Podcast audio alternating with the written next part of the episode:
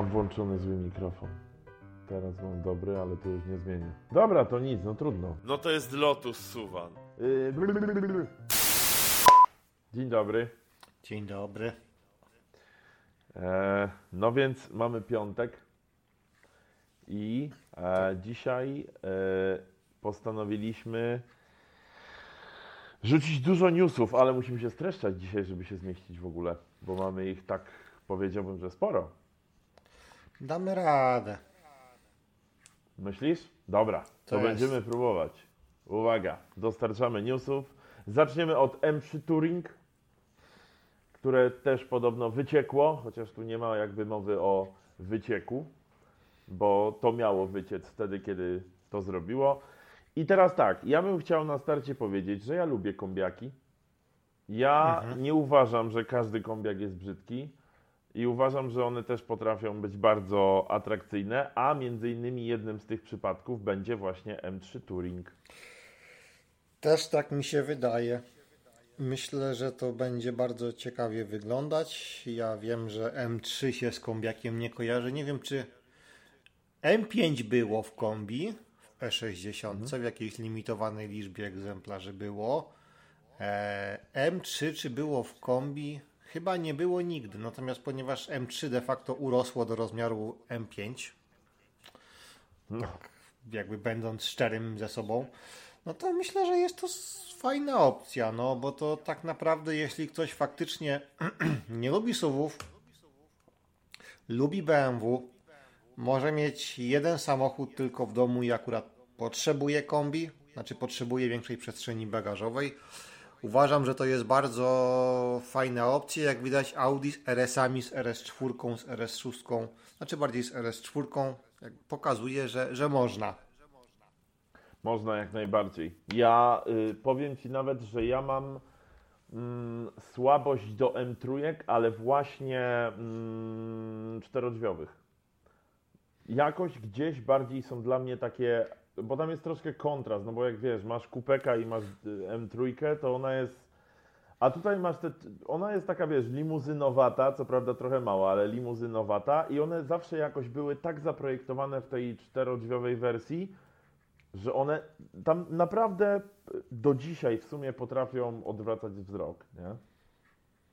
Mm, nie, no tak, znaczy no taki, generalnie to był taki koncept, tak, na zasadzie, że no, odwozisz dzieci do szkoły w ciągu tygodnia, ewentualnie jeździsz do pracy, a potem jak masz chęć, to wyskakujesz sobie na track day w trakcie weekendu, no i do tego mimo wszystko sedan jakby bardziej się wpisuje w tą wielozadaniowość, a poza tym to Tak. też dodaje takiego elementu trochę sliperowego, że to jest taki po prostu szczerodrzwiowy sedan, więc po tym tak bardzo tego z założenia nie powinno być widać. O, w ten sposób.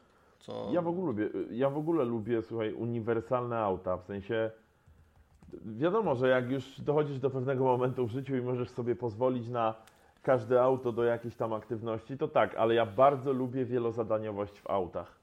Bardzo. Dla mnie one Tak. też przez to stają się atrakcyjne. Znaczy to jest. Znaczy, fu, to jest trochę rozległy temat de facto, bo. Bardzo. Ja Generalnie- tak rzuciłem, wiesz. Tak. E, Tak, żebyśmy się zmieścili w czasie. E, O, proszę, pierwszy sukces. No tak. E, znaczy, generalnie to jest trochę faktycznie tak, że jeśli, jakby, jeśli potrzeba jednego samochodu i ktoś chce mieć taki samochód ze sportowym zacięciem i którym no de facto można zrobić wszystko, może nie wszystko najlepiej, ale wszystko, to taki sportowy sedan jest najlepszą opcją, bo sportowe kombi no to już jednak jest trochę poświęcenie tych właściwości jezdnych na rzecz takiego tej praktyczności większego bagażnika. No, tym bardziej, jeśli to jest na przykład tylni napęd. No To na przykład. W tak. ogóle jest dość duża, Tak, duża natomiast no później jakby podejrzewam, że kolejnym etapem życia motoryzacyjnego faktycznie jest to, że się dochodzi do wniosku, że no takie jedno do wszystkiego jest fajne, ale potem się zaczyna szukać, czy można to rozdzielić tak, żeby to jednak było bardziej bez takich kompromisów, czyli jakieś takie, nie wiem, weekendowe coupe, które jest coupe, które może nie ma z tyłu miejsca za dużo i tak dalej, ale można sobie tym fajnie pojeździć, ma właściwości jezdne na co dzień, nie wiem, niektórzy jakiegoś małego suwa albo jakiegoś sedana, który no, mniej spali w trasie, na przykład nie będzie palił, nie wiem, 12 czy 15, a na przykład 7 albo 8, bo to co chociażby w, no, jakby w częstotliwości tankowania się odzwierciedli na przykład, już pomijając koszty, więc tak, ale generalnie jeśli ktoś szuka takiej, jak to się ładnie po angielsku mówi, silver, silver bullet, to tak, to takie, taki sportowy sedan jest chyba najlepszym rozwiązaniem, bo sportowy SUV no to tak, no będzie szybki, będzie wysoko będzie. zawieszony i pojemniejszy, natomiast no właściwości jezdne obawiam się, że jednak nie będą na poziomie sedana, no bo fizyk, fizyki pan nie oszukasz, tak? Ale no tak. I powiem Ci, że ja naprawdę te sportowe sedany propsuję, bo jestem przeogromnym fanem i M5, i E63 na przykład, e, i, gdzieś tam Audi RS5 i jakby lubię takie rzeczy. Bardzo mi się to podoba, one są dla mnie naprawdę e, naprawdę fajnymi autami, bo dużo można z nimi robić, a możesz mieć tylko jedno auto, nie? Więc to prawda. Ja bardzo propsuję jakby co. można powiedzieć nawet, że jestem fanem i bardzo chętnie bym takim na co dzień mógł pomykać. No myślę, bardzo. że nie ty jeden. Oj, możesz mieć rację, słuchaj.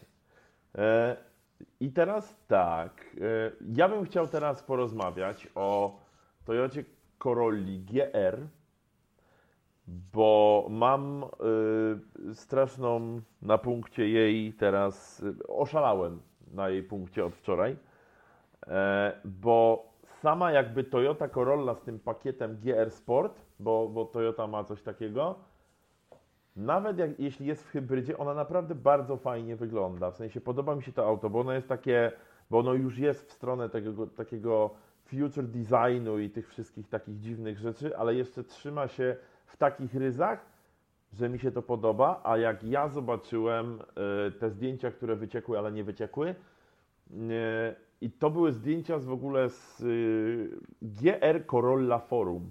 W ogóle nie wiedziałem, że coś takiego jest, ale no, przypominały widzisz. mi te, te zdjęcia promocyjne, słuchaj, ja widziałem w nich jakieś przebłyski, na przykład Initial D albo innych takich kreskówek. One są jakieś takie nie wiem, ja w nich to widziałem, może nikt inny nigdy nie zobaczy, natomiast bardzo mi się podobało to, co zobaczyłem. No jest bardzo. to fajnie narysowane, w sensie z zewnątrz jest taka ta Corolla, która nagle, nie wiem, zaczęła ćwiczyć i poszła na siłownię i jej się porobiły nadkola i trochę zrobiła się jej taka kanciata szczęka, no.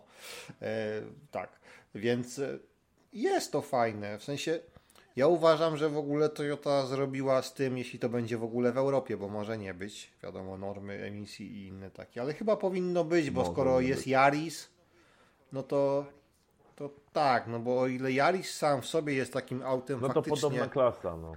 Znaczy, faktycznie jest takim autem bardziej powiedziałbym, że do sportu. W sensie cały gabaryt, cała bryła, wszystko ono jest bardziej jakby tak. masa mniejsza, tak, pro, jakby rozstawości. Wszystko to jest takie, że to jest bardziej do, do sportu, do jakichś, nie wiem, track dayów, super OS-ów i tak, tego, typu, tego typu rzeczy. O tyle, no bo tam w środku z tyłu to jest ciaś, znaczy ciaśniutko to jest, myślę, niedopowiedzenie. Eee, z przodu też jakoś, jeśli ktoś ma więcej niż, nie wiem, 1,80 m, to tam też nie jest za wesoło. E, natomiast no, Corolla, ponieważ jest już takim pełnoprawnym kompaktem pięciodrzwiowym, więc to jest tak. idealna opcja właśnie w tym klimacie trochę tak jak wcześniej było OM3, jeśli ktoś potrzebuje takiego jednego auta do wszystkiego. Bo 300 koni, napęd na 4, 300 chyba 4, napęd na 4 koła, w zasadzie cały układ napędowy przeniesiony z Yarisa GR, no tyle, że masa większa, bo tam będzie 1400 kg, więc chyba ze 200 kg różnicy, tak na oko. Więc to do jakby jazdy takiej sportowej, sportowej, no to lepszy jest Yaris. No ale z drugiej strony tutaj jest fajny taki samochód z zacięciem sportowym, którego z powodzeniem można używać na co dzień i który jest Toyotą, co generalnie sugeruje, że tak. ciężko będzie to popsuć. Tak i znaczy wiesz co, dla mnie, bo to auto, tak jak powiedziałeś, to nie będzie taka rajdówka jak, jak Jariska, ale ono będzie ono będzie pełniło taką funkcję, żeby wiesz, nadal móc pojeździć normalnie, ale jakbyś depnął, to poczujesz tą moc, ale nadal będzie komfortowo i nadal będzie chyba w miarę, nie? Tak, to jest coś takiego, Myślę, nie wiem, będzie mniej hardkorowe niż Yaris. To jest 100%. Tak, znaczy to, hmm, to jest chyba Tak. trochę taki duchowy spadkobierca tego, czym były Subaru, imprezy WRX i, i czym były Lancery, gdzie tak naprawdę był to taki samochód, który no, miał napęd na cztery koła, miał cztery miejsca i tak dalej, natomiast jakby pod spodem cały układ napędowy był no, wyczynowy, tak, sensu, sensu stricte. I, i, I ta Corolla trochę w ten klimat idzie. Może to nie będzie aż taki hardcore jak i30N na przykład, albo Megan Trophy, ale to będzie taki no, nie super hot, ale taki dosyć hot hatch będzie, gdzie można fajnie pojeździć, e, gdzie to będzie w miarę niezawodne, gdzie będzie to praktyczne. Tam jedyne, czego chyba brakuje jeszcze, żeby jeszcze więcej, jakby jeszcze to bardziej uatrakcyjnić, co może u nie, jakby puryści się będą krzywić, ale dobrego, dobrej skrzyni automatycznej. Bo to wtedy był taki faktycznie samochód, z którym można żyć na co dzień i w korku, i w trasie, i Tak. jak ktoś ma ochotę, nie wiem, jakieś łopatki przy kierownicy, coś sobie można poszaleć. Zdecydowanie. Zdecydowanie. Więc- Także ja czekam. Czekamy, Bardzo. czy będzie w Europie. I trzymamy kciuki, żeby było w Europie i żeby się dobrze sprzedało. Myślę, że się sprzeda może nie tak dobrze jak Jariska, ale też będą tam. Nie, myślę, że nie będzie narzekania. Ludzie sobie szybko znowu uświadomią, że takich aut jest coraz mniej i one gdzieś tam jednak będą, będą trzymały cenę, pojeżdżą nim Tak, trochę znaczy- i sprzedadzą go, wiesz.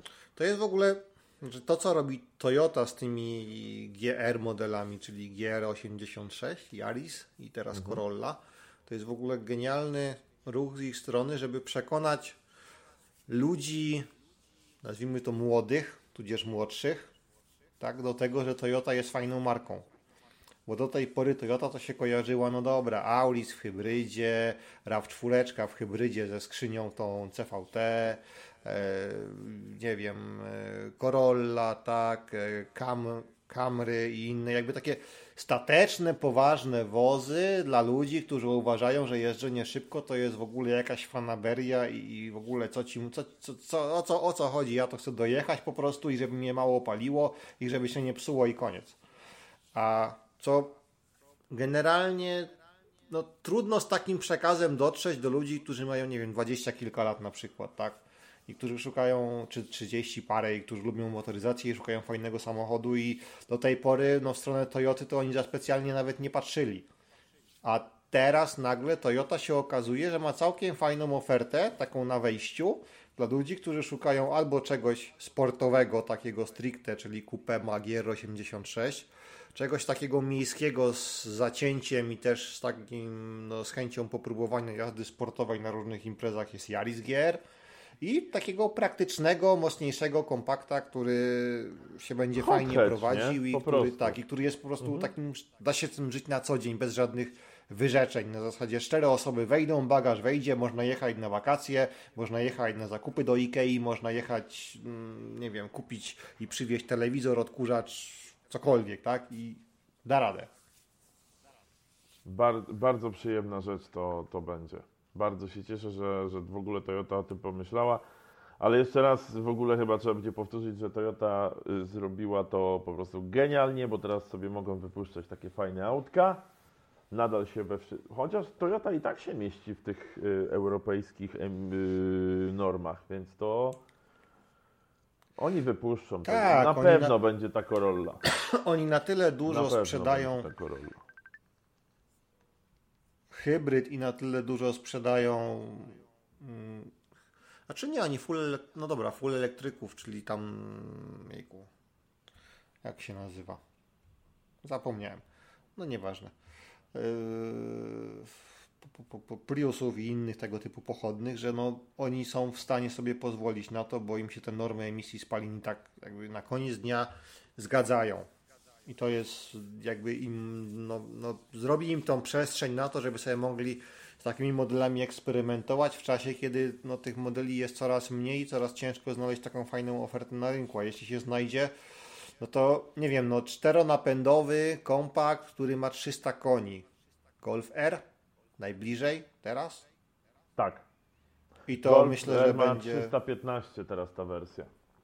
Tak, natomiast ponieważ jest to topowa wersja Golfa, to podejrzewam, że to bliżej już 300 tysięcy trzeba patrzeć. Pewnie, mając życie. No i jest mm, BMW to M135X i bodajże. Ale to myślę, że też są spore pieniądze i to, to nie jest taki to- napęd, to, to jest jakby Haldex, więc to też nie jest. Znaczy, inaczej, Golf to też jest Haldex, a tutaj można, ten napęd pewnie ma normalne torseny, no to jakby też jest zupełnie Mhm. inny rodzaj napędu. E, ale jakby abstrahując od szczegółów, no to są najbliższe modele, które oferują coś podobnego, a myślę, że będą dużo droższe mimo wszystko. Może tak są dużo droższe, W sensie, no. Wiesz, teraz, teraz ogólnie jest taka sytuacja, że nie ma rzeczy tanich, więc. No, Ale no. No takie czasy. Tak. Takie czasy. E, Ja bym, ja bym chciał tylko powiedzieć, że nas, następny temat, czyli Maserati Graczale. Grekale. Grekale, przepraszam. E, ma, więc to Maserati bardzo mi przypomina Forda Pumę. Tak, to jest konsensus w internetach, że to przypomina Forda Puma. Ale chłopie, jak we mnie to uderzyło i wiesz, zestawiłem dwa obok siebie, to. No naprawdę to podobieństwo jest już Czy- niepokojące, nie? Tak, bo to wynika z tego, że wypuszczając MC21, Maserati jakby zmieniło, znaczy zmieniło swój język stylistyczny. To widać, że są światła w tym modelu inne i z przodu i z tyłu niż w poprzednich modelach. I oni teraz się to starają przenieść, te światła się starają przenieść na nowe modele. Więc na Grekale to przenieśli. Jak y, są chyba już pierwsze spy shoty z Gran Turismo bez kamuflażu na Są. światłach i tam są te same O. światła. W związku z Okej. czym no jest to pewien problem, bo nie zawsze te światła będą wyglądać dobrze. No, a ponieważ światła dosyć istotnie de- determinują no, wygląd, zwłaszcza z przodu samochodu, to tutaj tak się nieszczęśliwie złożyło, że wyszła Puma. Nie wiem jak jest po włosku Puma, ale wyszło tak Maserati Puma Grecale. Pięknie. Ale tu na pe... y, wiesz co, to, to, to cena może być inna niż w Fordzie. Tu może tak E, no tak, zwłaszcza w tej wersji Trofeo, to myślę, że może być. Wersja Trofeo będzie bardzo w ogóle ciekawa, bo tam w wersji Trofeo, która jest najmocniejszą wersją, będzie chyba trochę osłabiony silnik z MC21, czyli ten No, e, mamy- Neptuno. Będziemy mieli V6 i tam będzie 530 koni. Tak, czyli to jest ten silnik Neptuno z e, tego, z, z MC21. Więc to będzie już taki dosyć, myślę, żwawy mały SUV, z którym no Macan Ale GTS i inne będą miały No. problem. Tak, ale wiesz co, powiem Ci, że w ogóle reszta z tych silników też nie wygląda źle, bo mamy czterocylindrowy 300, 300 konny i tam będzie miękka hybryda i mamy jeszcze mm, czterocylindrowy 330 koni, e, też jakaś taka średnia i, i trochę inny rodzaj hybrydy niż, niż ten, ale no w takim autku to 300 koni to Znaczy, zrobi robotę. tak, ale brakuje trochę, to jest ten sam problem niestety, który był w Stelvio. Znaczy w sumie no to trochę jest chyba. Że masz, no dobra, tu są te moce większe, więc jest 300 i 330, bo w Stelvio było 200, 280 i potem zaraz następny to było 500, 500 koni w tym, w Quadrifolio. Tutaj jest tak, że jest no 300, 330 i zaraz potem masz ponad 500. Brakuje jakiegoś takiego wariantu pod, nie wiem, 420, coś takie, że chciałbyś szybciej, może byś chciał więcej cylindrów, żeby to lepiej brzmiało, ale może nie do końca ci, nie wiem, finansowo albo wizerunkowo pasuje, żeby mieć najbardziej wściekłą wersję. Bo niekoniecznie Ale chcesz one- zrywać asfalt. No ale to wiesz, no to zawsze można mieć tą, tą moc tylko i wyłącznie, jeśli będzie potrzeba, a jeśli nie, to będziesz jeździł y, bardzo rozsądnie, eko. Na wstecznym, żeby A nie lepiej mieć, przesadzać. słuchaj, lepiej, lepiej mieć odłożone niż mieć za mało. To jest, wiesz. Tak, niech te konie dodatkowe 100 sobie czeka i się pasie, jak będą potrzebne, to się po, to Tak pogonisz. jest. Ale A- ogólnie, hmm, znaczy, kurczę, patrzyłem na to jakby sporo na te różne zdjęcia tego Greka, ale i tak Nie wiem, może na żywo jak zobaczę, bo MC21 na zdjęciach wygląda tak sobie, na żywo wygląda dużo lepiej. Jakby dużo fajniej, dużo spójniej to jest narysowane. Wygląda tak, jak to zwykle robi Maserati, czyli taka stylistyka, która się no, jest elegancka i się nie zastarzeje. Ja jestem ciekaw, jak to Grekale wygląda na żywo. Czy to wygląda, jakby czy to w tym samym klimacie będzie, że się ten samochód zobaczy i będzie takie poczucie, że to jest e, eleganckie. Eleganckie w takim sensie ponadczasowej elegancji. Tak, że, że jest takie, że za, nie wiem, 5-10 lat to już nie będzie taki design, za który się spojrzy i nie, to już jest niefajne, by się przydał jakiś duży lifting czy coś. A Maserati potrafi długo robić modele, także lepiej dla nich, żeby było ponadczasowe, bo trochę może z nami zostać. Oj, bardzo długo. Oni są w ogóle jakimiś rekordzistami z tego, wiesz? To jest. Oni to długo trzymają, bardzo. No ale słuchaj, no widzisz, no do, dopracowują i. Znaczy, no mam nadzieję, że nie wiem. marki tak naprawdę. Tak, nie? będzie to... gdzieś okazja to zobaczyć na żywo, albo się pojawią i zaczną jeździć, albo gdzieś nawet w salonie czy na jakimś motor show nie wiem, na Poznań Motor Show może będą. W kwietniu jest Poznań Motor Show jakoś, ale nie wiem. wiem nie wiem, co będzie wystawione, bo jakoś tam nie śledziłem za specjalnie wystawców, a nie mam pojęcia, czy cała ta zawierucha covidowo-pandemiczna nie spowodowała tego, że po prostu się producentom trochę przestawiło i odkryli, że mogą robić premiery w inny sposób, niekoniecznie wydając masę pieniędzy na to, żeby mieć stoiska na różnych motorshow. Co może się odbić tak. szkawką teraz, no. No tak. Nie, myślę, że tam to się odbędzie i wszystko będzie już, wiesz... Znaczy odbyć się odbędzie, ja mam nadzieję, natomiast ja się zastanawiam, kto się tam będzie pokazywał. Wiesz co, widziałem jakieś zapowiedzi, na pewno będzie The Collection, yy, tam w, w, dziale aut kolekcjonerskich, to tyle wiem. No to tak, ale czy będzie Maserati na przykład? Jako marka? Tak. Nie mam pojęcia. No, trzeba będzie zweryfikować. Znaczy, hmm, tak. Ale myślę, że można z dużym prawdopodobieństwem przyjąć, że tak, udamy się i może postaramy się później zdać relację z tego, co widzieliśmy i czego, czego nie widzieliśmy, a czego nam brakowało. Możemy, możemy spróbować tak zrobić, słuchaj. Możemy, I jak najbardziej. Żeby, żeby ponarzekać na to, czego nie było. no, oczywiście, no przede wszystkim po to tu jesteśmy. Oczywiście. My nie, to jest, my nie jesteśmy po to, żeby chwalić, my się będziemy czepiać, bo gdyby nie to, no to byśmy nie mieli co robić, prawda? No, Oczywiście. Wiadomo. No. E, słuchaj, to po, po, połączymy sobie teraz dwie rzeczy, które są totalnie od siebie inne. Bo połączymy sobie Kaimana GT4 RS i to, że Kaiman od 2025 będzie tylko elektryczny. I teraz. Za, tak, i teraz chciałbym, żeby zacząć od tej, od tej jasnej strony mocy i żebyś powiedział, co ostatnio wymyślili w GT4R. Znaczy, to, to, to, to, to jest bardzo, znaczy to jest bardzo jasna strona mocy i to no, jest, mam wrażenie, ee, no trochę wygląda tak, jakby już mając świadomość tego, że to są Nevrati i to już jest taki łabędzi śpiew z jakby spalinowego Kajmana, że postanowili, że teraz zrobią to, o co wszyscy jak tylko wyszedł Kajman GT4 prosili, ale nikt jakby nie marzył nawet, że co się zadzieje, czyli żeby w genialne podwozie, jakim jest Cayman GT4, mimo tam swoich jakichś bolączek związanych z jakimś tam zawieszeniem, które może nie jest jakimś wielowahaczem i innym cudem techniki, e, ale żeby w to podwozie włożyć silnik z Porsche GT3. Co się stało? W związku z powyższym GT4 RS ma silnik z GT3. Jest to silnik o trochę mniejszej mocy, natomiast to wynika po prostu z umieszczenia centralnego, z tego co czytałem, i z, po prostu z innej długości wydechu. I, I to tyle. Tam jest jakaś różnica kosmetyczna, że ten wydech jest trochę dłuższy, przez to tej mocy jest trochę mniej. Natomiast nadal się kręci do 9000 obrotów. Yy, taka różnica jest, że o ile w GT3 on jest za tylną osią, o tyle w Kaimanie jest za plecami. Tak praktycznie za plecami już. I jeszcze tam jest taki śmieszny patent, że wloty powietrza do, do jakby doloty powietrza do silnika są, jak są zdjęcia tam z boku, za drzwiami, jakby przy słupku C, mhm. widać takie wloty. To są te wloty.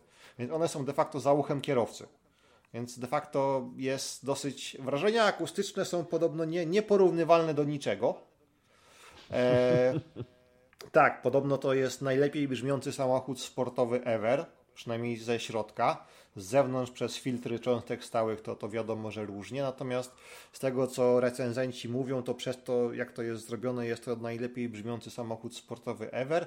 I to chyba jest to, co widziałem w jednej, w jednej recenzji. Jest to chyba pierwsza premiera w historii Porsche, na której zaproszeni dziennikarze, jak dostali samochód do jazdy, w samochodzie były dołączone zatyczki do uszu. Uuu. Takie normalne zatyczki, To tam 3M, takie już nie, nie racingowe, ale takie tak ochronne, akustyczne. To o czymś świadczy. No a poza tym, no to co, no prowadzi się genialnie, silnik jest po prostu genialny. E, Czas na Nürburgringu zrobiło to 7.02 albo 7.05, czyli to już jest szatańsko szybko, bo to już jest tak. To 992 GT3 zrobiło 650 coś tam. Więc to już naprawdę no, takiej długości to, że to, to nie jest. A y, z tego co oglądałem onboard, tam jeszcze nie wszystko do końca grało z GT4 RS-em, jeśli chodzi o ten przejazd. Tam ewidentnie Okej. było widać, że niektóre rzeczy nie, nie są takie, jak być powinny. Więc tam jeszcze jest potencjał. Czyli może Natomiast-. Tak, y, produkcja ma być nielimitowana, natomiast będzie to produktowane do 2025 roku, czyli do momentu wejścia elektryków, więc będzie bardzo ciężko pewnie to dostać. I w sumie nie dziwię się, myślę, że kolejki tam już się ustawiają włącznie z listami kolejkowymi i tak, i jakimiś prośbami, modłami i cokolwiek tylko jest w stanie pomóc. No bo to jest taki samochód, który jak dla mnie, on się klasyfikuje chyba w top 3 najlepszych modeli, jakie Porsche zrobiło. Ever. No to są mocne słowa. No, myślę, że to tak będzie, bo to jeśli ktoś nie ma jakby takiego zacięcia, że on w Porsche wyznaje tylko 911, bo są ludzie, którzy uważają, że Cayman to nie jest Porsche prawilne, że prawilny jest 911. Znaczy, no można też tak. Ja, ja to rozumiem. Tradycja modelu. Ja tak, przyznam się, że tak myślałem o Boxsterze. No, że to jakby no nie do końca. Natomiast no jak dla mnie nie wiem, będzie 911R, 997 to GT3 RS 4.0 i pewnie będzie Cayman GT3 RS. GT4 RS. To będą takie jakby go-to samochody, najbardziej ikoniczne chyba z tych nowożytnych, bo tych przed 997 to ja za specjalnie jeszcze nie, znaczy nie czuję się w tym biegły, żeby, żeby wyrokować. Natomiast myślę, że z Jasne. takich y, to może być taki top. Może nie top 3, ale top 5 to na pewno, bo naprawdę zrobili taki samochód, że no tak jakby ich tam nikt nie powstrzymywał, że ej, weźcie, nie, możecie, bo wyjdzie za dobry. To, to, to nie może tak być. Tu trzeba przysiąść, tu trzeba silnik trochę słabszy, tu coś, no nie może być tak dobre, bo sprzedaż GT3 spadnie. Więc No. no, Pewnie- natomiast pewnie troszkę tak, tak. a co do elektrycznego Caymana, no to niestety Cayman, Boxster, Macan następna generacja też ma być full elektryczną. Wszystko jakby samochody składane, jak to się ładnie mówi, na ołtarzu tego, żeby 911 jak najdłużej było spalinowe. To jest jakby dla Porsche priorytet, z którym oni się w sumie nie kryją i ostatnio czytałem wywiad prezesa, który powiedział, że no najdłużej jak to będzie fizycznie możliwe, oni będą się starali utrzymać to, żeby 911 było na benzynę, a nie na prąd. Czyli po prostu w ofierze teraz złożą Kajmana niedługo. E, Tak, tak, żeby się zgadzały te wszystkie wyliczenia odnośnie gramów CO2 na Różne. Excele, wiadomo. Tak, znaczy oni w oczywiście. ogóle inwestują strasznie duże pieniądze też w paliwa syntetyczne, które są trochę bardziej ekologiczne, jeśli chodzi o spalanie ich, niż takie normalne z rafinerii. Tam no, grube pewnie już miliardy euro idą w to, żeby to y, produkować, zbadać i pewnie w dalszej perspektywie móc dostarczać do klientów. No bo No. jakby Porsche szczyci się tym, że tam chyba 70%? Coś takiego? Chyba tak, nie wiem. Znaczy strasznie duży, duży procent, większość na pewno. Możliwe, że się z tymi 70 pomyliłem, e, ale że większość 911, które oni sprzedali, to są samochody, które są nadal na chodzie. Oni do tego produkują części, oni zapewniają serwis, więc to jest dla nich jakby Okej. ogromny rynek klientów, których oni muszą obsłużyć. Więc no to tak no nie za specjalnie myślę mogą sobie, znaczy może i sobie mogą pozwolić, ale wizerunkowo to by było słabo, gdyby no dziesiątki czy setki tysięcy ludzi z tymi samochodami nagle jakby z całą tą otoczką, kulturą, społecznością, z tymi klubami wszystkimi, z całym rynkiem wtórnym tych samochodów, żeby tych ludzi nagle zostawić i stwierdzić, no sorry, ale teraz to sobie radźcie sami, bo my to idziemy w elektryki, a benzynę to sobie możecie pędzić w piwnicy, no tak mówiąc kolokwialnie, bo to... No, no tak, ale słuchaj, no przecież jakby Porsche też, jeśli chodzi o elektryki, no oni to, co zrobili z Taycanem, to jest, to się w głowie nie mieści, bo przecież więcej Taycana się sprzedało niż 911. No tak, no bo znaczy to podejrzewam może też być część polityki Porsche jako takiej, że e, Oczywiście, ale tak. no zobacz jaki to jest debiut. To, był, to był po prostu MVP. To był no tak, MVP no. roku jakby te hybrydowe, e-hybrid też, czy Cayenne, czy, czy no, Panamera, no, tam, czy... Z tą ekologią to też nie szalejmy, znaczy, bo tak, ale na papierze to, emisja się zgadza. Tylko 670 koni. No, no tak, no to, to jest taka ekologia, żeby launch control taka było hybryda, nie 4 nie? sekundy, tylko 3,7 na przykład, tak. Dokładnie tak, po to to tam jest. No, ale... Bo tam jakby znaczy, nikt nie jeździ na prądzie, to jest, to jest jasne Tak, no, no z jednej strony ja rozumiem, że to jest kalkulacja ekonomiczna i tak dalej, ale z drugiej strony też no oni by w sumie się nie musieli tak spinać na to, żeby zapewnić tą benzynowość, tylko w którymś momencie powiedzieć, no wiecie, wicie, rozumicie, no prawda czasu taka jest, no nic się nie da z tym zrobić, i przechodzimy na, na razie na hybrydki, a potem 911 będzie elektryczne, no bo się nie da. Natomiast no to, że oni tak walczą i że tak w sumie no, no z jednej strony dbają o swój rynek, ale z drugiej no też dbają o to, żeby ci ludzie z tymi, nie wiem, 911 z lat 80. i 70. czy 90. też mieli na czym jeździć, koniec końców, no to, to też jest fajne, no bo to też świadczy o jakiejś tam dbałości o, o to grono klientów, no, które już się rozciąga praktycznie no, na pokolenia, można powiedzieć. No. Mi się bardzo podoba to, że oni chcą tą dziewięć. W sensie to jest takie, to jest takie słodkie. Bo oni, to jest trochę tak. Oni mają swo, swoje takie oczko w głowie i oni, i oni po prostu robią wszystko, żeby to oczko z nimi zostało. To też jest fajne. Tak, no bo to, to nie, jest, nie jest łatwe, natomiast no dlatego właśnie Kajman będzie elektryczny. No to, to jest to jest w ogóle bardzo ciekawe, bo Kajman jakby z natury i z rzeczy i ze, z tego jak on był zaprojektowany, to jest taki mały samochód sportowy, w sensie mały. Mniejszy, jak na nasze, jak na współczesne realia, niewielki samochód sportowy, tak z silnikiem centralnie, lekki, zwinny. Więc ja jestem ciekaw, jak oni te założenia przekują na samochód elektryczny. Tam bateria waży. No to, to z tego się nie oszuka. Więc pytanie, co oni z tym zrobią. Znaczy, no jest ten Mission R, który podobno no, jeździ wściekle dobrze i w ogóle nie wiem, jak ktoś nie widział, to polecam sobie zobaczyć Mission R zdjęcia, jak tam jest genialnie w środku zrobiona klatka. Jest z włókna węglowego i jest jakby częścią. E, to nie jest taka klatka, tak jak teraz są robione, że są spawane połąki. Ona jest jakby częścią bryły samochodu, co jest w ogóle zrobione przepięknie, moim zdaniem. E, ale no to jest prototyp, tak? I to jest prototyp obliczony na to, że no trzaska się parę kółek na torze i jest po baterii pewnie. Natomiast no ciekaw jestem, jak to będzie no. wyglądać, żeby zrobić taki samochód, który jest no funkcjonalny, tak jak Kaimany i Boxstery są funkcjonalne i jednocześnie przy tym jest elektryczny i nie zatraci tych wszystkich zalet, które Kaiman i Boxster miały w wersji spalinowej. Bo to będzie duże, duże wyzwanie.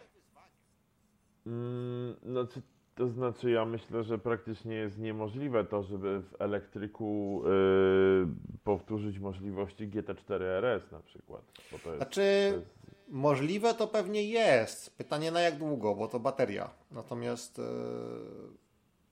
Ale sama wiesz, sama, sama masa, samo, samo rozłożenie tej masy, to ciężko będzie to powtórzyć to jakby ciężko będzie to skopiować z tymi Znaczy no wrażeń akustycznych i takich mechanicznych na pewno się nie da podrobić, bo to no, jest nie, nie, nie niewykonalne. Osiągi da się zrobić, no bo silnik elektryczny stwarza takie możliwości, że się da. E, natomiast no to jest jakby taki jeden klocek układanki, że się na tym torze jest się w stanie jakiś czas wykręcić, ale jest jeszcze kwestia, no dobrze, trzeba na ten tor dojechać, trzeba jakoś potem z niego wrócić. Pytanie, ile będzie trwało ładowanie, jak to będzie się zachowywać, e, ile to będzie też ważyć, bo to też jest istotne. No jak nagle się okaże, że to waży 1800 kg, no to tak trochę słabo. Trochę tak, no.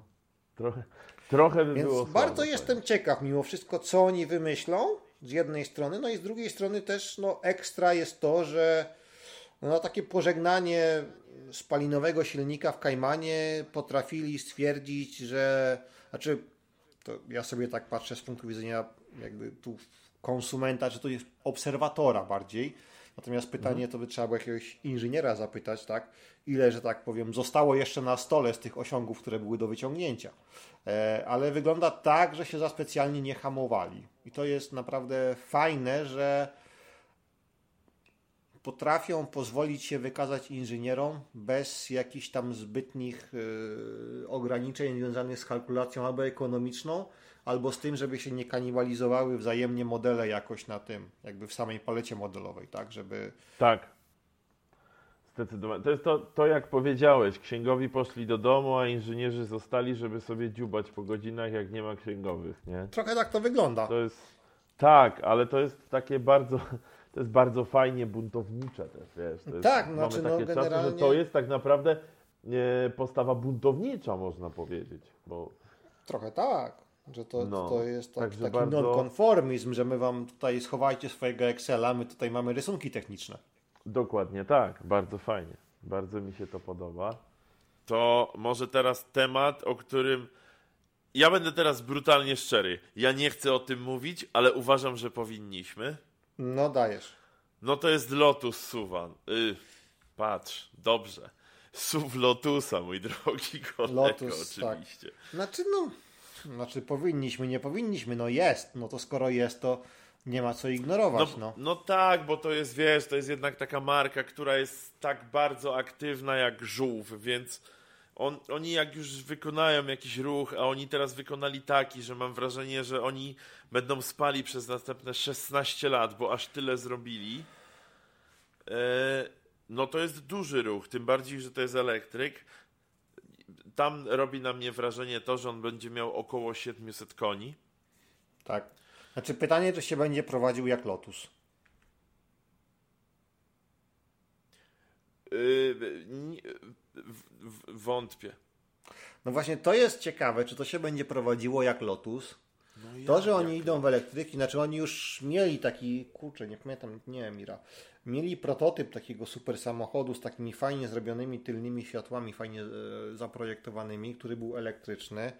E, natomiast, no to jest, jakby oni się starają do, do, dostosować do realiów rynku, tak? I jest ten Lotus Emira bodajże, o którym rozmawialiśmy o, przedostatnio albo ostatnio, który ma być takim konkurentem właśnie Caymana. E, ma być takim niedużym samochodem. Tam są dwie opcje silnikowe. Albo jest jakieś V6, albo 2.0 turbo z A45 AMG. Okej. No plus skrzynia automatyczna i tak dalej. Natomiast ma to być taki już cywilizowany, czyli nie tak spartański jak poprzednie Lotusy. Cywilizowany taki super, znaczy samochód sportowy z silnikiem umieszczonym centralnie. Nie wiem, czy super samochód to trochę na wyrost, ale to, bo to tak pokroju Caymana, A110S na przykład i, i tego typu, e, który no, ma być chyba ich ostatnim takim samochodem spalinowym. E, więc to też będzie ciekawe. Znaczy wszystko ładnie, pięknie, tylko na przykład co ktoś ma zrobić w Polsce, jakby chciał Lotusa? No zakombinować pewnie. No właśnie jakby no nie ma, nie wiem, salon jakiś, cokolwiek, że ty chcesz chcesz sobie nawet dobrze, pokażą tego suwa, on wejdzie do sprzedaży i byś chciał zobaczyć. To znaczy, że No nie wiem, musisz kombinuj, jechać no bo to wiesz. do Berlina musisz jechać, do Pragi, nie wiem, do Wielkiej Brytanii, bo tam są salony, no.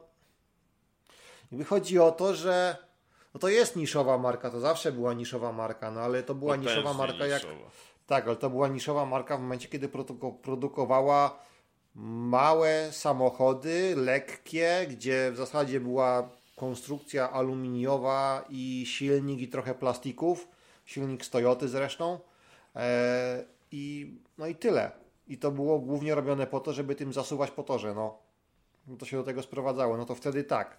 Ale teraz, jeśli to ma być marka, która sprzedaje takiego no, mainstreamowego suwa elektrycznego, no to nie wiem, czy jakby nie pokona ich to, że oni chyba nie mają za specjalnie sieci dealerskiej. I to jest taka marka dla wielu ludzi, którzy nie kojarzą motoryzacji, jakby nie interesują się. To jest taka marka znak zapytania. W zasadzie taka marka nie wiadomo co. Tak, wiesz co, ja w ogóle myślę, że jakbyś zrobił taką, taką sondę wśród ludzi, którzy jakoś, nie wiem, nie interesowali się motoryzacją, to jak powiesz Lotus,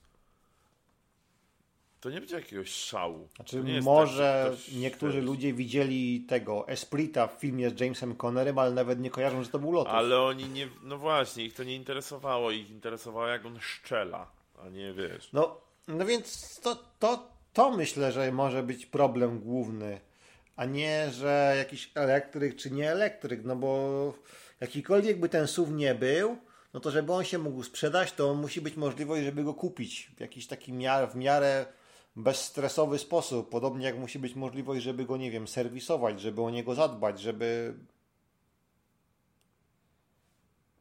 to jakoś. Bo to jest. Bo to jest tak, że ludzie kupowali Lotusa dlatego, że był Lotusem, w sensie dlatego, że miał ten charakter Lotusa. To byli ludzie tak. zdecydowani. Oni wiedzieli, Lekki, czego chcieli. spartański, sportowy tak. samochód nadający się Oni na tor głównie. Coś takiego. I to, to są ludzie, którzy kupowali Lotusa. Natomiast Lotus zrobił to, co każdy zrobił, bo takie, takie są czasy, że jakby żeby się te, gdzieś tam to przeliczało, no to trzeba to zrobić. Zmienili się na te, stwierdzili, że zrobią elektryka, w związku z tym, że jeszcze nie zrobili suwa, a wszyscy mają to stwierdzili, że to będzie suw elektryczny, bo to już w ogóle są dwa trendy w jednym. Natomiast nie wiem, czy. Znaczy, myśleli na pewno, ale nie wiem dlaczego właśnie nie wpadli na to, że Lotus to nie jest samochód. Lotus to jest Lotus. I jakby dla mnie to tak wygląda, bo Lotus to jest Lotus. Znaczy, oni obiecują, że to się będzie prowadzić jak Lotus, dlatego ja jestem ciekaw, jakby jak to ma działać, że to się ma tak prowadzić, no. Mariusz, jeden z drifterów y, polskich mówił, że trenuje grając w Need for Speed Carbon. No. To jest, wiesz, że to jest, to jest ten sam poziom właśnie. No, tak jak może tak. sobie, Mariusz, weź sobie najtańszy sok w sklepie i przeczytaj to, ten opis, który jest na opakowaniu. Gwarantuję ci, że poczujesz się niesamowicie. Ten, ten sok będzie opisany, jakby to był najlepszy sok wyciskany ręcznie, gdzieś sprowadzany z Nepalu. Ale o wschodzie tak słońca, przed o tym wschodzie trzeba słońca po, pogłaskać tak. pomarańczy, żeby jej było dobrze i dopiero tak. wtedy tak. I jak jest za duże słońce, to tam wiesz, olejkiem smarują. No, no i to są takie właśnie sytuacje. No nie wierzę w to, że się będzie prowadził jak Lotus. Przez to jest niemożliwe, to jest niewykonalne. Znaczy, no z drugiej strony Taycan się prowadzi dobrze, no. Znaczy, nie, nie, prowadzi tak, się czytałem. dobrze, ale nie prowadzi się jak Lotus. No nie, no jak jest... Lotus się, znaczy ciężko, żeby jakikolwiek SUV się prowadził jak coś, co waży poniżej Tysiąc... tony? No. Chyba?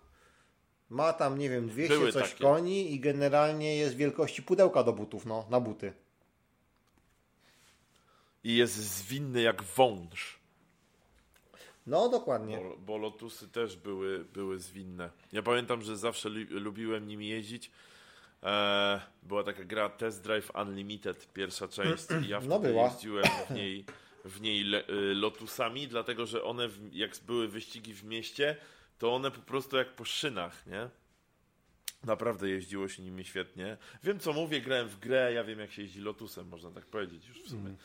No już jak się tak wyprzedzamy, to tak. No jak oczywiście. można w grze się uczyć driftu, to dlaczego nie można w grze zobaczyć jak się jeździ Lotusem? No proszę cię. Proszę bardzo i mamy to. I cyk. No i pro. problem solution. I lecimy dalej. No, problem solved, koniec.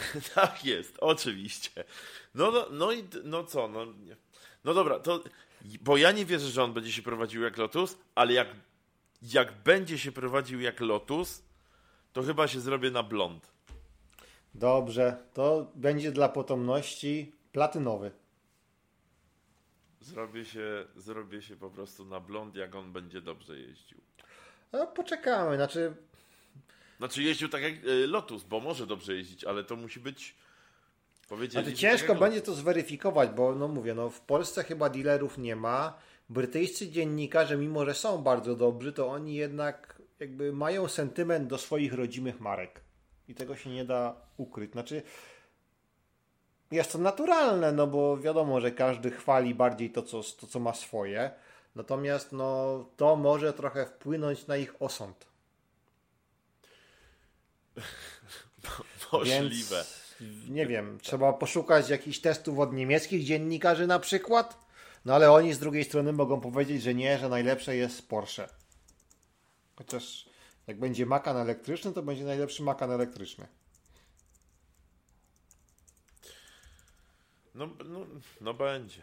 W ogóle dużo ostatnio jest smutnych newsów, powiem ci. Takich, a znaczy tak z perspektywy takiego właśnie Sezon się e, zaczyna. Petrolherta, więc, więc już... wiesz, Jest, no, przyszła wiosna, zaczyna się sezon, teraz są premiery po to, żeby ludzie przyszli do salonów i pozamawiali. Znaczy to tak normalnie, w normalnym cyklu, że tak powiem, produkcyjnym jest, bo teraz zamawiają, więc akurat tam parę miesięcy czekanka i tak na wakacje samochody już zaczynają się pojawiać na drogach, tak? Owszem. Owszem. A przy obecnej sytuacji to będą wakacje 2023, a jak ktoś ma pecha to 2024. No ale to tak. No, ale teraz słuchaj, widzę na tych, y, na tych, na tych grupkach leasingowych, jak ludzie na przykład mówią, że przesunęli, nie wiem, na przykład najpierw im ze stycznia na kwiecień, z kwietnia przesu- prze, już przesunęli na listopad, bo już w ogóle nawet się nie oszukują, że będzie szybciej. I powiem ci, że jak ja na przykład, bo teraz y, wiem, że na przykład oczekiwanie na gelendę to są jakieś, to są horrendalne sprawy jakieś, bo to jest tam 12 do 16 miesięcy, wiesz, coś takiego, nie? No. I jak ja bym sobie skonfigurował auto i miał na nie czekać 16 miesięcy, to ja bym zwariował. A czy wiesz, no tak naprawdę masz dwie opcje. Albo czekasz i liczysz się z tym, że mogą ci anulować, bo tak. Zasadzie. Albo sobie kupujesz. Albo patrzysz, taki- co jest na rynku i Tak. kupujesz płacąc 20% więcej albo 30% więcej. No tak, ale no, znaczy, no, no teraz, teraz te odstępne bardzo mi się podobają. kwoty Tak, znaczy to jest. Ja mam wrażenie, że w którymś momencie, znaczy inaczej, nie to, że mam wrażenie, ja się zastanawiam, to jest lepsze słowo, w którym momencie jakby dojdzie to do takiego punktu granicznego, że ci ludzie kupujący, który, którzy nie chcą czekać na przykład, którzy by już chcieli już mieć, powiedzą sobie, że dobra, starczy. Na zasadzie takiej, że ja rozumiem 10%, 15% premium, jakby za to, żeby. No bo płacisz za to, że nie czekasz. Okej, to każdy inaczej jakby wycenia swoją niecierpliwość. O, tak Jasne. to nazwijmy. Natomiast no musi być jakiś taki próg bólu, powyżej którego już stwierdzisz, no, no nie, no, no sorry, nie wiem, za coś, co jest warte powiedzmy 100 tysięcy, tak? Nie zapłacę 150 tysięcy po to, żeby to mieć 10 miesięcy wcześniej. Bo jakby rezygnując jednocześnie z tego, że sobie sam konfigurujesz samochód, co też jest, przynajmniej dla mnie jest ważnym aspektem, że no, możesz sobie wybrać. Wiesz Co? co? Tak, tak, natomiast nie wierzę, że na rynku nie ma czegoś, co jest praktycznie identyczne z, czym, z tym, czego chcesz. Po prostu. Eee, No chyba, że już, nie wiem, chcesz mieć jakiś turkusowy lakier, wiesz. I, wiesz i co? Takie...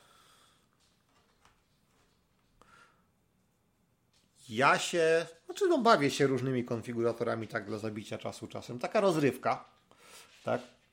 I jestem w stanie się no prawie, że założyć o to, że jak ja bym sobie, nie wiem, wziął nową 911 GTS, jak ja bym sobie ją skonfigurował, to nie znalazłbym takiej wersji. po prostu. Bo no, ja mam bardzo specyficzne podejście, specyficzne, nie wiem, zapatrywania i w specyficzny sposób bym to poskładał.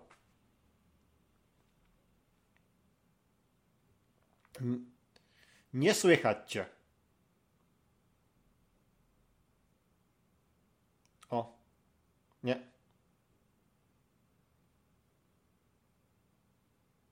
Teraz cię słychać. Dobra. Więc generalnie tak, a poza tym, nawet gdyby się coś znalazło, no to jakby sam proces, nie wiem, konfigurujesz sobie, składasz to zamówienie, czekasz. No wiadomo, że 10 miesięcy to jest długo, ale to jakby jest też cała, jakby część otoczki tak, odbierania nowego samochodu, że to wszystko jest. Wiesz, No bo to jest taka celebracja w ogóle Tak. tego, ja wiem, bo to oczywiście to jest zupełnie inne, wiesz, doświadczenie niż jakbyś kupował nawet półroczne auto, bo to zupełnie No. jest co innego. Jasne, jasne. No ale Więc- 16 miesięcy. Znaczy, no tak, ale no mówię, no jakby to jest zawsze jest coś za coś, więc ja jestem ciekaw, kiedy te narzuty, które dają ludzie, którzy robią cesję, dojdą do takiego poziomu, że ci kupujący potencjalni powiedzą, że y, sorry, ale to jest za dużo. Ja pasuję, ja poczekam.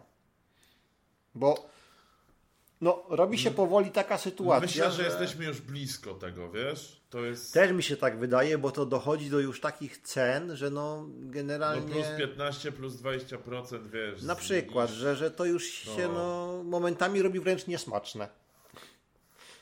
Bo jakby jest pewna chęć zysku, my myślę, powyżej której to się już robi trochę niesmaczne. No mój Seat zyskał około tam 13-14 tysięcy, nie? To jest No. w ogóle porównaniu do tego, jak, go, jak go, go brałem w leasing, no to zyskał tam... Rób 13 cesję, bierz tysięcy. Nie. Ja go kocham. Ja już jestem do niego przywiązany. Ja No i to jest najważniejsze. Znaczy oddam, ale nie teraz. Jeszcze jestem do Ja, ja, ja go kocham do końca leasingu. Tak, dokładnie tak, dokładnie tak. Ale myślę, że i tak ma lepsze traktowanie niż większość aut w leasingu, więc wiesz. Nie, no to tak, ja w to myślę, że nie wątpię to. E, no, więc generalnie, no tak, no są te czasy oczekiwania, jest to, to trochę chora sytuacja na rynku i no ciekaw jestem, kiedy to nastąpi przegrzanie całości, tak naprawdę. Jesteśmy blisko, Mariusz, myślę. Bo, no mówię, no już jest, już się dzieją e, naprawdę chore rzeczy, nie? No przecież e, ja ci mówiłem chyba nawet na którymś z podcastów, albo i może nie, że jakiś czas temu znalazłem y, czteroletniego rocznikowo Focusa y, w kombi y, z silnikiem 1.0 za tam 92 tysiące, nie? Nie no, 1-0 to jest poważny Nie, silnik. przepraszam, 82 tysiące. 82 tysiące. Rozumiesz to? No przecież to jest chore. Cztero, No czteroletnie auto za 80 tysięcy, ono może mieć naprawdę fajną moc i bardzo fajne i może być też kombiaczkiem, żeby nie było. Mhm. No to jest, słuchaj, no No 82 nie, no to w którymś momencie no. musi się prze, przegrzać. No prze- przeleje się niedługo, bo no bo już, no, no tak jak mówisz, dochodzimy już do takiej granicy, ab, to jest już absurdalne jest w niektórych wypadkach. No ten, ten, ten fokus był co najmniej abstrakcyjny, więc e, jesteśmy bardzo blisko, żeby to pewnie e, pewnie pękło. E, skończyliśmy newsy na dzisiaj. Tak, na to wygląda, że Lotus nam był się- ostatnim newsem na dzisiaj. Nam się, nam się skończy Lotus. E, to też śmieszne, że nazywamy go też Lotus. W sensie, dla mnie jest taka przepaść między tymi autami, Mariusz, że to jest... Ja, ja wiem, że oni mogą to robić, ale oni nie powinni. Znaczy, w sensie, ale pomyśl, że niedługo będziemy rozmawiać o suwie Ferrari, no. W ogóle ja go widziałem. W sensie na tych likach podobno. No są były jakieś, liki. znaczy to są takie wizualizacje, chociaż nie, coś tam gdzieś Nie, wyciekło były faktycznie. lik z fabryki. No, Strasznie paskudne auto. Normalnie paskudne. Nie to, że proporcje nie siedzą, tam nic się nie zgadza. Może, mi, po, może za 4 miesiące powiem, no jednak w sumie jest całkiem spoko, ale teraz to jest normalnie najzwyczajniej na świecie paskudne auto. Nie mam innych słów, żeby to opisać. To jest paskudne auto. Ferrari nie umie robić takich rzeczy i nie ma w tym niczego złego. Oni powinni się skupić na tym, co robią świetnie. Robią samochody, które są przepełnione erotyzmem. To jest jakby. Oni to powinni robić. znaczy ciekawa jest jedna rzecz, że znaczy no zarówno Lamborghini, jak i Ferrari, oni sprzedawali pewien taki superkarowy lifestyle. Jakby Ferrari było tym bardziej wysublimowanym, a Lamborghini było takim bad boyem, który, nie wiem, farbował włosy, nosił kurtki z ćwiekami, miał na wszystko wywalone. No trochę tak, Tak, było. w latach, osie... tak, w latach 80. na przykład jak ktoś miał Ferrari, to albo był jakimś bankierem, albo adwokatem, a jak miałeś Lamborghini, to prawdopodobnie pchałeś kokainę z Kolumbii i odpowiadałeś za to w Stanach. To jest mniej więcej coś takiego. Coś w ten deseń. Natomiast No. i obok tego, z tej takiej trójcy powiedzmy firm, które robią super samochody, był McLaren. McLaren zawsze był takim pragmatycznym wujkiem w rodzinie trochę. Był. Na był. zasadzie, że tutaj Taki- tacy elega- tak. jeden elegancki w garniturze, drugi coś tam, a McLaren to był taki wujek, który patrzy, czy jego Toyota mu mało paliwa pali i ile kosztuje przegląd. To jakby było takie bardzo pragmatyczne podejście, takie inżynieryjne, technologiczne i tak dalej. I Chłodne. jakby z tych trzech marek, tak, jakby ktoś spytał przed erą SUVów, jakby przed tym, zanim Lamborghini ogłosiło Urusa i zanim, znaczy tak, to ja myślę, że mało kto by obstawiał, że to Włosi jako pierwsi pójdą w SUVy. Myślę, żeby człowiek obstawił, no, no przecież no McLaren, oni są pragmatyczni, to się biznesowo spina, to ma to sens, tak? Oni też mieli te problemy finansowe, no Ferrari nie miało problemów finansowych. Ferrari działało tak dobrze, że zrobili z nich osobną spółkę, żeby całość FCA im nie psuła wyników, no jakby... Więc... A tutaj się okazuje, że McLaren jest z tej trójki ostatnim bastionem super samochodów, takich Tak. stricte super samochodów. Tak. To jest Ale niesamowite. W ogóle... Tak, bo, bo McLaren McLaren jest inny.